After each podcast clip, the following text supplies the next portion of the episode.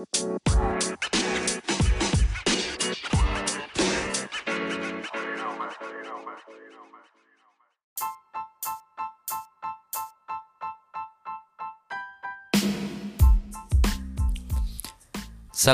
warahmatullahi wabarakatuh. Ketemu lagi dengan saya Muhammad Ainil Hana. Hari ini kita akan membahas tentang uh, apa patuh dan hormat kepada guru. Sebelumnya kita sudah membahas patuh dan hormat kepada orang tua ya. Di mana kedua ini masih tergabung dalam satu bab bab 8 di materi pendidikan agama Islam dan budi pekerti. Oke. Hari ini kita tidak membahas materinya, akan tetapi kita membahas pertanyaan-pertanyaan yang sudah masuk eh, pada minggu kemarin. Yang sebelumnya pada materi yang lalu kita mengajukan beberapa eh, beberapa lowongan pertanyaan, nih bahasanya lowongan pertanyaan, lowongan pertanyaan yang ingin atau unek-unek apa yang ingin kamu sampaikan dan ingin kamu tanyakan. Lah hari ini kita akan membahas itu semua. Oke, sudah tidak sabar? Kalau udah nggak sabar, kita mulai saja.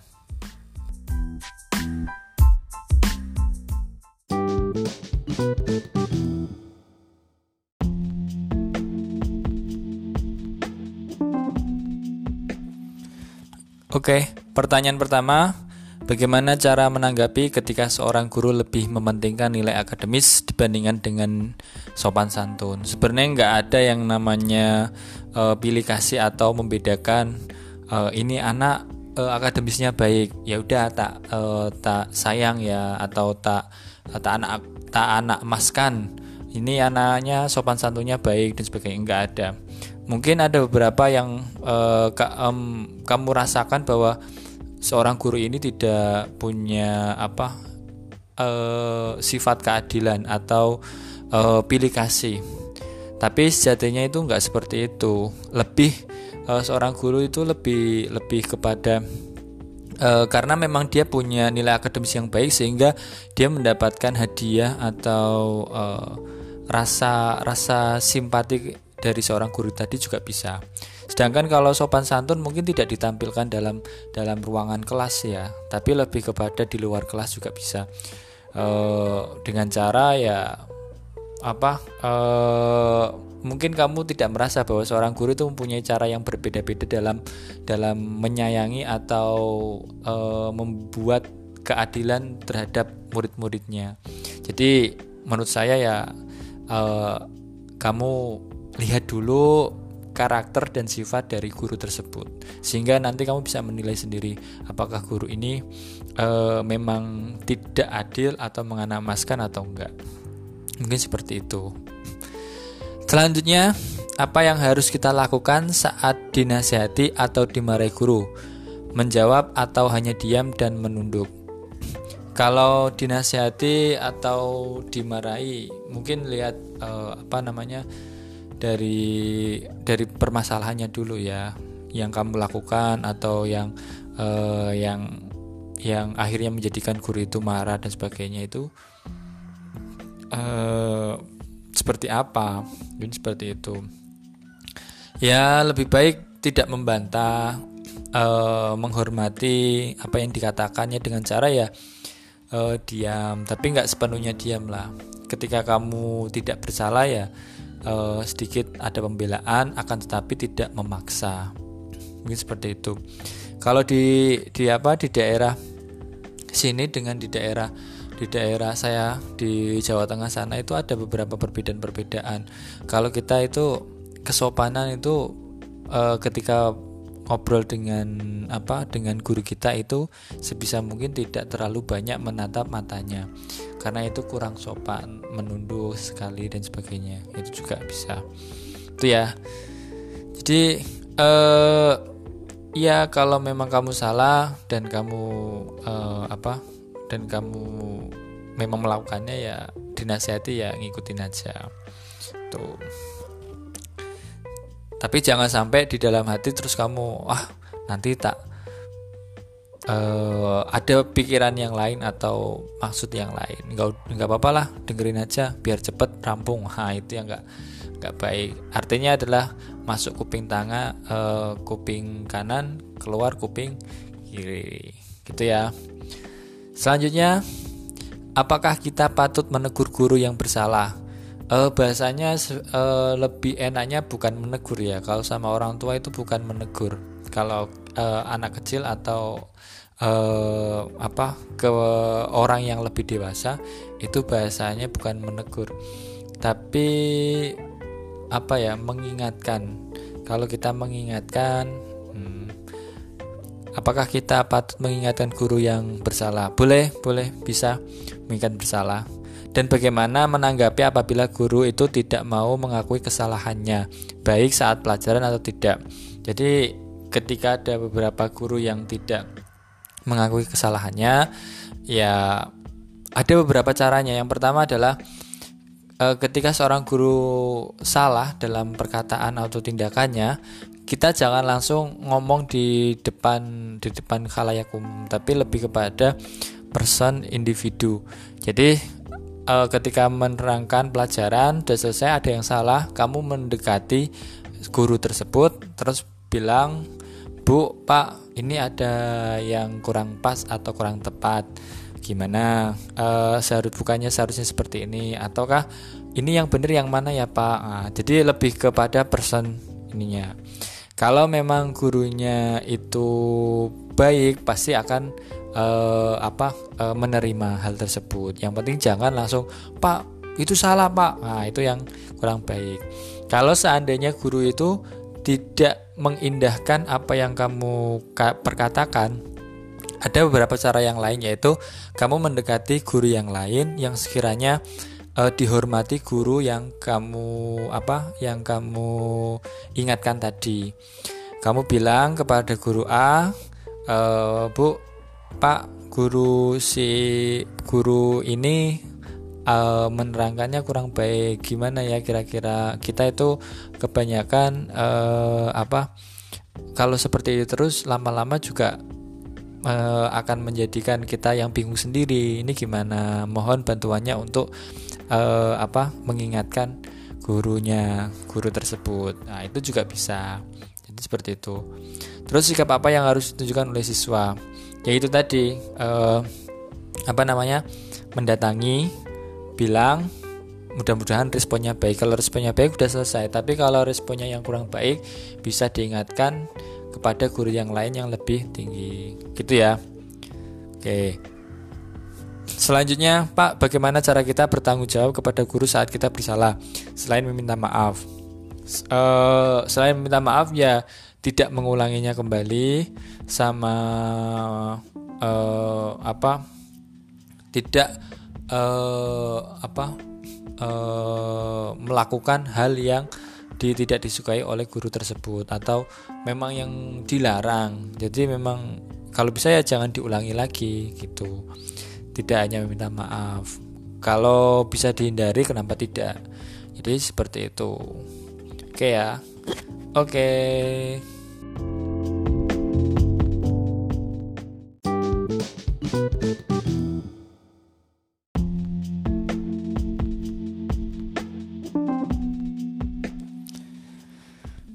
Masih selanjutnya,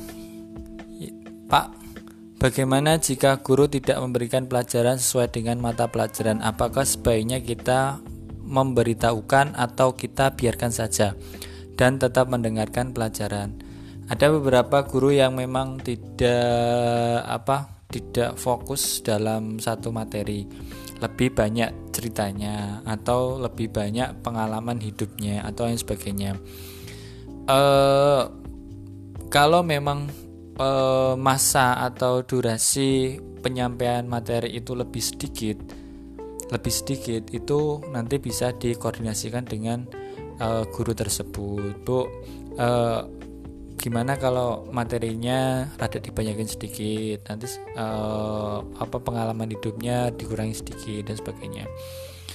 Atau mungkin kalau dirasa bahwa materi yang disampaikan itu meskipun sedikit sudah cukup dan lebih banyak tentang pengalaman hidup atau cerita-cerita yang lain ya ya sudah nggak apa-apa. Karena uh, memang ada beberapa karakter-karakter guru yang seperti itu. Termasuk saya sendiri kan banyak ceritanya. Uh, ini aja materinya di lu, mungkin di, bisa dibilang di luar buku materi. Ini saya bikin materi sendiri dengan cara uh, pertanyaan terus saya jawab. Itu lebih efisien. Memang seperti itu kadang. Terus uh, ya nanti bisa dikoordinasikan sama gurunya lah. Terus tidak semua eh, murid-murid uh, itu uh, kadang sefaham dengan apa yang kamu uh, utarakan. Maksudnya adalah ada yang lebih banyak senang dengan materi tentang pengalaman hidup guru tersebut dan sebagainya sehingga ya mungkin uh, tidak ada masalah. Tapi lebih baik dikoordinasikan atau didiskusikan dengan gurunya. Lanjut. Jika guru adalah orang tua Apakah kita juga wajib menjalankan konsekuensi birul walidain juga atau apakah guru memiliki kedudukan sama dengan orang tua? Kalau konsekuensi birul walidain kemarin kan ada memberi rumah, memberi makan dan sebagainya ya. Kalau eh, diberikan kepada seorang guru ya saya kira eh, tidak tidak pada beda pada tempat yang pas. Tapi ketika kamu memberikan hadiah itu diperbolehkan. Contoh kalau pas uh, hari guru kamu memberikan bunga, mentraktir, makan atau uh, memijitin guru dan sebagainya itu itu diperbolehkan, tidak tidak apa-apa. Tapi tidak e, kalau mau memberikan hadiah rumah atau apa ya silakan nggak masalah. Tapi untuk kewajibannya itu berbeda karena guru dengan dengan dengan orang tua itu mempunyai sistem atau mempunyai e, apa e, ruangan yang berbeda. Kalau guru itu dalam bidang keruhanian kalau orang tua itu dalam bidang jasmaninya apakah guru memiliki kedudukan sama dengan orang tua? Kedudukannya sama. Jadi eh, sama-sama penting, sama-sama punya pengaruh, sama-sama uh, apa mempunyai atau ikut andil besar terhadap masa depanmu. Jadi ke depan nanti kamu seperti apa itu tergantung dari orang tua ataupun guru tersebut. Karena ya uh, pola pikir atau pandangan kamu atau uh, kecerdasan kamu sendiri itu juga uh, bagaimana cara kamu uh, menangkap apa yang diberikan atau materi yang diberikan oleh guru tersebut. Ini seperti itu. Bagaimana sikap patuh yang baik pada guru saat pembelajaran daring seperti saat ini? Sikap patuhnya ya dengan cara ya seperti yang kemarin saya sempat bilang eh ketika diberikan tugas ya dikerjakan sesuai dengan target atau deadline yang ada. Uh, apabila ada pertanyaan ya tinggal tinggal ditanyakan. Tidak perlu banyak banyakin uh, beban pribadi, wah banyakin tugas dan sebagainya dan sebagainya. Itu kan beban pribadi. Tidak perlu seperti itu. Terus ketika ketika kamu bertanya kepada guru sewajarnya atau seyogyanya e, menggunakan salam kata-kata yang baik harus formal pak. Tidak harus formal juga nggak apa-apa dicampur dengan bahasa-bahasa Jawa. Itu untuk menghormati orang tua atau guru itu sendiri. Itu ya termasuk sikap patuh dan perbedaan patuh saat daring dengan luring bagaimana Pak? Kalau perbedaan patuh dengan daring dan luring, kalau perbedaannya kalau pas daring ya seperti hal seperti itu, uh, seperti itu, uh, ya, sorry. Uh, dengan cara ya, ketika kamu bertanya dengan kata-kata yang baik, diawali dengan salam, diakhiri dengan salam juga, memperkenalkan diri sebisa mungkin tapi kan saya sudah pernah memperkenalkan diri pak.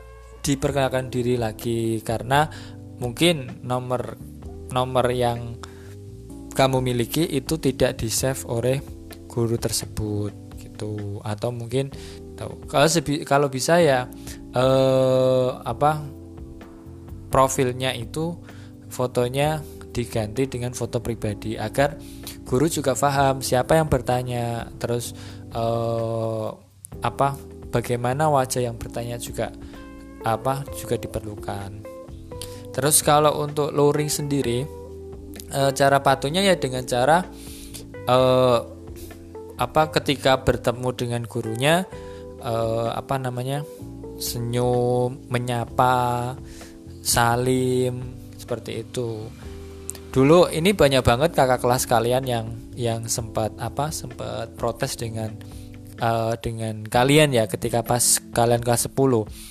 Pak, kelas 10 itu kalau ketemu sama kita itu tidak pernah bertegur sapa pak nah, saya bilang jangankan yang sama kalian sama guru-guru pun kadang uh, ada beberapa guru yang menyayangkan hal seperti itu juga ketemu pas-pasan uh, apa ketika berpapasan hanya diam melengos atau nggak jelas kayak nggak kenal itu kan padahal gurunya sendiri ya sama gurunya sendiri tuh di di area sekolah di area sekolah ya Seharusnya apa? Seharusnya ketika bertemu ya minimal senyum. Selanjutnya menyapa. Assalamualaikum. Mari Pak, mari Bu gitu. Kalau nggak gitu ya salim ditambah salim. Salim, cium tangannya, cium tangan ya, jangan di pipi tangan ataupun di apa keningkan tangan. Jadi dicium, dihirup gitu. Tapi Pak, saya kan risih kalau sama sama guru yang lawan jenis. Kalau risih ya setidaknya ya uh, salamnya itu pakai salam apa? Salam tangan. Tangannya kayak sekarang ini. Assalamualaikum di apa? dirapatkan terus assalamualaikum ah, nggak usah salim tuh atau minimal salam sama senyum sudah ikut udah cukup. Tuh. Kalau sama guru yang uh, yang se apa se yang satu apa satu sama-sama perempuan atau sama-sama laki-laki itu boleh saling pakai salim. Itu ya. Mungkin seperti itu. Oke. okay.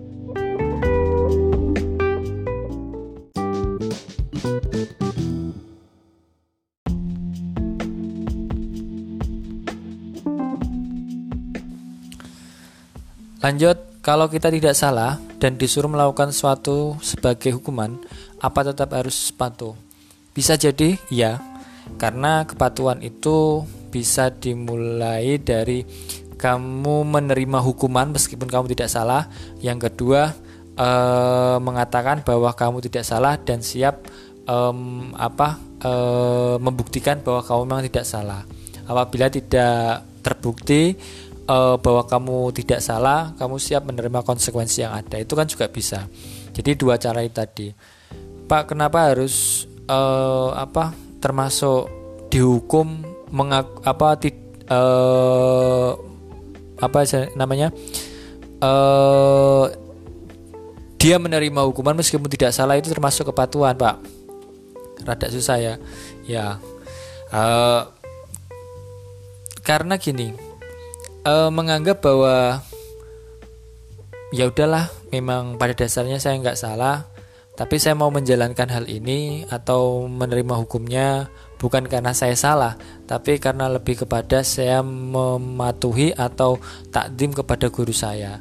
Ya udah nggak apa-apa. Siapa tahu uh, dengan cara ini ada uh, ada keridoan kepada saya kelak. Amin ya rabbal amin Selanjutnya, apabila saya memiliki pendapat yang kontra dengan guru, bagaimana saya menyampaikannya? Jadi kalau kamu punya pendapat yang berlawanan dengan guru dengan cara ya kamu mendatangi guru tersebut, kamu eh, berikan atau jabarkan pendapatmu yang eh, yang menurut kamu benar. Jangan langsung kamu bilang, "Pak, itu salah." Bukan seperti itu itu hal yang tidak baik. Sebaiknya mendatangi uh, diskusi dengan guru tersebut dan siapa tahu uh, memang guru tersebut yang yang salah atau yang kurang pas atau atau mungkin kamu sendiri yang kurang pas sehingga nanti uh, timbul satu titik titik yang uh, yang yang yang pas atau yang solusi yang yang baik bagi keduanya. Atau sebaiknya diam saja mengikuti pendapat guru. kalau memang pendapat guru itu tidak sesuai atau tidak pas kamu bisa um, apa mengutarakannya dengan cara langsung tadi jangan dipendam terus karena uh, itu akhirnya akan menjadikan selamanya akan kurang pas atau salah atau keliru nah, yang di mana akhirnya mengakibatkan ke depannya uh, akan merendahkan guru tersebut. Bisa jadi seperti itu. Contoh kalau gurunya itu uh, memberikan materi dia jawab A. Ternyata dalam diri uh, ternyata jawabannya itu B. Kamu tahu tapi kamu diam aja. Suatu saat ketika guru itu menyampaikan kepada orang lain jawaban A. Ternyata uh, yang memberi apa yang diberikan jawaban itu tahu B terus uh, timbul masalah akhirnya menjadikan guru tersebut rendah diri. Tuh. Bukan rendah diri terus uh, hal yang baik ya maksudnya harga dirinya itu turun. Itu nggak baik. Lanjut ya. Semisal ini pak. Kalau guru sedang menjelaskan tentang materi tetapi ada murid yang sukanya menjawab pertanyaan dari guru padahal guru itu tidak bertanya gimana? Itu namanya uh, menyelak menyelak omongan orang tua guru itu nggak baik itu nggak diperbolehkan. Adabnya kurang. Tuh. Jadi eh, yang lebih baik adalah biarkan orang tua atau guru itu menyelesaikan ucapannya. Kecuali kalau memang kamu diberikan waktu. Atau kadang guru tuh eh, atau ustadz-ustadz itu ketika di pertengahan itu memberikan jeda untuk kalian jawab. Contoh kayak gini. Uh, pendidikan agama Islam. Nah, itu kan kamu jawab Islam. Nah, itu kadang seperti itu. Itu nggak apa-apa.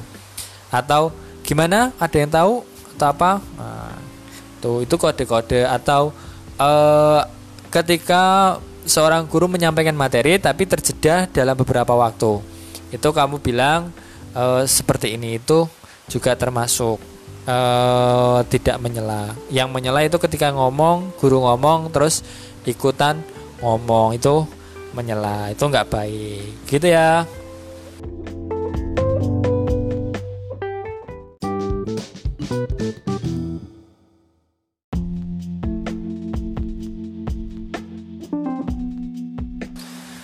Oke, kita lanjut hari ini cuacanya hujan jadi mungkin ada noise noise yang tidak bersahabat di telinga kalian eh, mohon dimaklumi dan dimaafkan ya. Tuh karena memang tidak ruangannya itu bukan ruangan kedap suara jadi bisa terdengar. Oke kita lanjut ya. Apakah bercanda bersama guru termasuk cara berbakti kepada guru? Bisa jadi tapi kalau mau bercanda dengan gurunya khususnya guru yang masih muda atau yang sudah sepuh itu dilihat-lihat. Yang pertama adalah karakter dari guru tersebut. Yang selanjutnya dari uh, tata cara bicaramu dijaga. Jangan sampai karena diajak bicara uh, bercanda, ketawa-ketawa terus kamu ngomong seadanya, seanehnya. Apalagi kalau sama guru yang lebih muda nongkrong di di jalan terus tiba-tiba kamu miso uh, apa sama gurunya itu nggak boleh. Jangan yang sama guru sama orang yang lebih tua itu miso itu juga nggak boleh. Intinya dilarang gitu ya. Tuh. Jadi dijaga perlu dijaga sikap uh, dan dilihat uh, karakter dari gurunya. Jangan saya nanya aja. Dulu itu uh, pernah ada kejadian uh, hari guru hari guru uh, di Semaven Semaven.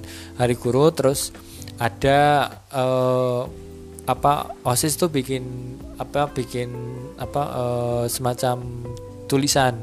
Ah uh, harapan ke depan untuk untuk guru-guru di Semaven. Terus anak-anak itu nulis di semacam apa uh, apa memo-memo itu kecil terus tempelin tuh. Itu ada yang bilang semoga guru-guru di sini yang sepuh-sepuh langsung uh, sudah purna cepat purna sebagainya. Itu ada yang bikin salah satu guru yang sakit hati. Nah itu nggak boleh. Itu juga uh, apa uh, kalau kamu merasa bahwa itu satu hal yang bercanda guyon itu saya kira kurang pas nah, jadi dilihat dulu karakter gurunya sama adabmu dijaga Bolehkah menganggap serta memperlakukan guru sebagai teman di sekolah? Boleh, boleh aja, tapi harus punya batasan-batasan tertentu. Jangan keterlaluan, mentang-mentang uh, apalagi temannya satu tongkrongan. Terus ketika di sekolahan itu menjadi gurunya, ngomong seenaknya. Hey bro, hey, hey uh, friend, ada sebagainya lah. Intinya seperti itu tuh nggak boleh, nggak baik, nggak pas, nggak sopan. Ya. Uh, lanjut. Sikap apa yang termasuk dalam memuliakan guru? Jadi sikap apa aja ya? Uh, memberikan senyum terus uh, tegur sapa salim terus uh, hormat dan patuh takdim dan sebagainya itu bisa. Kalau di beberapa tempat itu ada tambahan ya ketika uh, memakai sepatu atau gurunya itu memakai sendal ke pesantren di pesantren ya itu uh, lihat sandalnya kiainya itu langsung di di apa dirapikan di di apa di standby kan. Jadi biar ketika pas dari masjid atau musola itu biar langsung gampang dipakai itu memuliakan Terus ada lagi kalau di pesantren itu setiap uh, gurunya berdiri itu ada dua cara memuliakan yaitu dengan duduk rapi sambil uh, menundukkan kepala.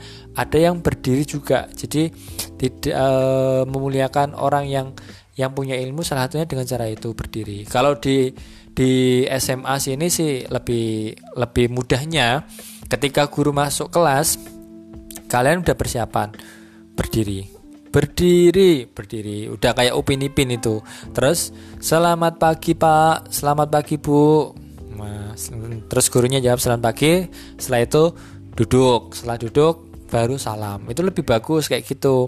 Dulu ada kelas uh, sebelumnya itu yang seperti itu melakukan uh, rutinitas seperti itu sampai sekarang mudah-mudahan masih ada lah kelas 3 sekarang kelas 3 mudah-mudahan masih ada itu cara uh, menghormatinya. Apa saja yang didapatkan jika patuh dan tidak patuh kepada guru? Yang yang didapatkan adalah ketika patuh mendapatkan keridoan uh, dari guru. Kalau sudah dapat ridho, uh, apa pun pelajarannya itu akan lebih mudah uh, diterima dan dan lebih mudah uh, dipelajari. Itu salah satu futuhal uh, cara membuka membuka ilmu itu seperti itu. Jadi menghormatinya. Jadi uh, intinya lebih lebih lebih enak nah, seperti itu. Terus uh, kalau yang tidak patuh apa yang didapat bisa jadi ilmunya itu tidak berkah tidak barokah. Itu seperti itu. Kalau uh, di tempat saya itu ada satu kejadian. Jadi ini kisah nyata dari teman saya itu. Karena dia melakukan satu kejadian di mana orang tuanya itu dipanggil yang benar-benar sangat fatal. Orang tuanya dipanggil uh, sekilas uh, sekolahan saya itu uh, sekolahan agama sangat religius. Terus uh, guru-gurunya sepuh-sepuh uh, kiai-kiai sehingga mungkin kita lebih kepada disebutnya santri dan takdimnya luar biasa dibandingkan yang uh, jauh dibandingkan SMA atau MA uh, MAN atau sebagainya ya. Tapi ini udah udah benar-benar uh, takdimnya luar biasa nah suatu ketika dipanggillah orang tua. Ketika dipanggil orang tuanya di sidang dikasih tahu bahwa anaknya melakukan hal seperti ini orang tuanya nggak terima. Orang tuanya nggak terima sama sekali sehingga menjelek-jelekan guru-guru yang ada saat itu. Setelah itu uh, anaknya uh, terpaksa di di apa di diberhentikan atau dikeluarkan dari sekolahan diminta untuk mencari sekolahan yang lain. Karena eh, perlakuan orang tuanya eh, terhadap kasus dari anaknya tadi yang memang anaknya itu bersalah. Seketika eh, selang satu minggu keluarganya jadi kacau. Ini beneran teman saya tetangga saya uh, dan satu sekolah dengan saya akhirnya apa? Si anak ini menjadi stres terus kemudian uh, mohon maaf ya menjadi gila. Sampai sekarang pun uh, tidak tahu keberadaannya. Keluyuran ke mana-mana. Ini stres lah. Uh, ya mungkin karena kemakan walat. Walat itu mungkin azab. Nah, kalau kalian bilangnya azab ya seperti itu. Dan orang tuanya itu akhirnya ya kacau cerai. Terus ekonominya kacau. Orang tuanya cerai gara-gara yang laki-laki tadi orang tuanya tadi ketahuan selingkuh sama orang. Selingkuh sama uh, sama orang terus digerebek akhirnya nikah dengan orang lain terus cerai dengan yes, pokoknya kacau balau sampai sekarang. Tuh. Dan yang ibunya itu sampai nangis-nangis. Kejadian apa sih yang menimpa uh, kok sampai seperti ini? Menimpanya sampai sekian dan sebagainya. Tuh wah kacau. Lanjut kalau seorang murid bertanya kepada guru karena bingung dengan materi yang dijelaskan tetapi gurunya malah menyalahkan muridnya karena dianggap tidak memperhatikan terus sikap seorang murid harusnya gimana? Ya mungkin uh, moodnya si guru itu lagi tidak bersahabat. Butuh waktu untuk uh, apa memberitahukan hal tersebut. Ya kalau di di SMA sini kan gurunya kan banyak ya kalau memang gurunya tidak apa bisa uh, diingat apa diberitahukan bahwa memang sejatinya kamu tidak paham kamu bisa mencari guru yang lain untuk menambah materi yang uh, tidak kamu pahami, tidak kamu uh, mengerti. Itu dulu itu uh, kakak kelas kalian itu ada yang kayak gitu. Jadi tidak paham satu materi, terus uh, bilang ke saya, curhat ke saya, saya tanya ada berapa yang tidak paham dengan materi tersebut.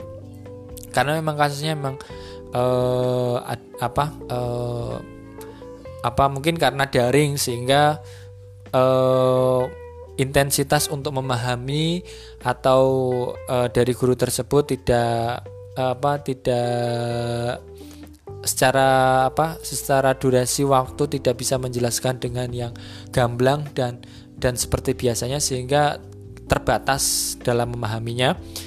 Uh, beberapa murid tadi bi, uh, murid tadi bilang ke saya terus saya bilang ada berapa murid ada sekian pak. Ya udah kumpulkan bikin satu grup nanti tak kasih link guru yang lain. Maksudnya saya minta ke guru yang lain untuk uh, memberikan materi tambahan kepada mereka di mana yang mereka tidak ketahui yang tidak mereka tahu atau pahami akhirnya ya bisa dan alhamdulillah uh, lancar dan mereka pun paham tanpa menyudutkan guru yang uh, yang materi yang memang awal-awal itu uh, apa namanya uh, memberikannya memang durasinya yang kurang.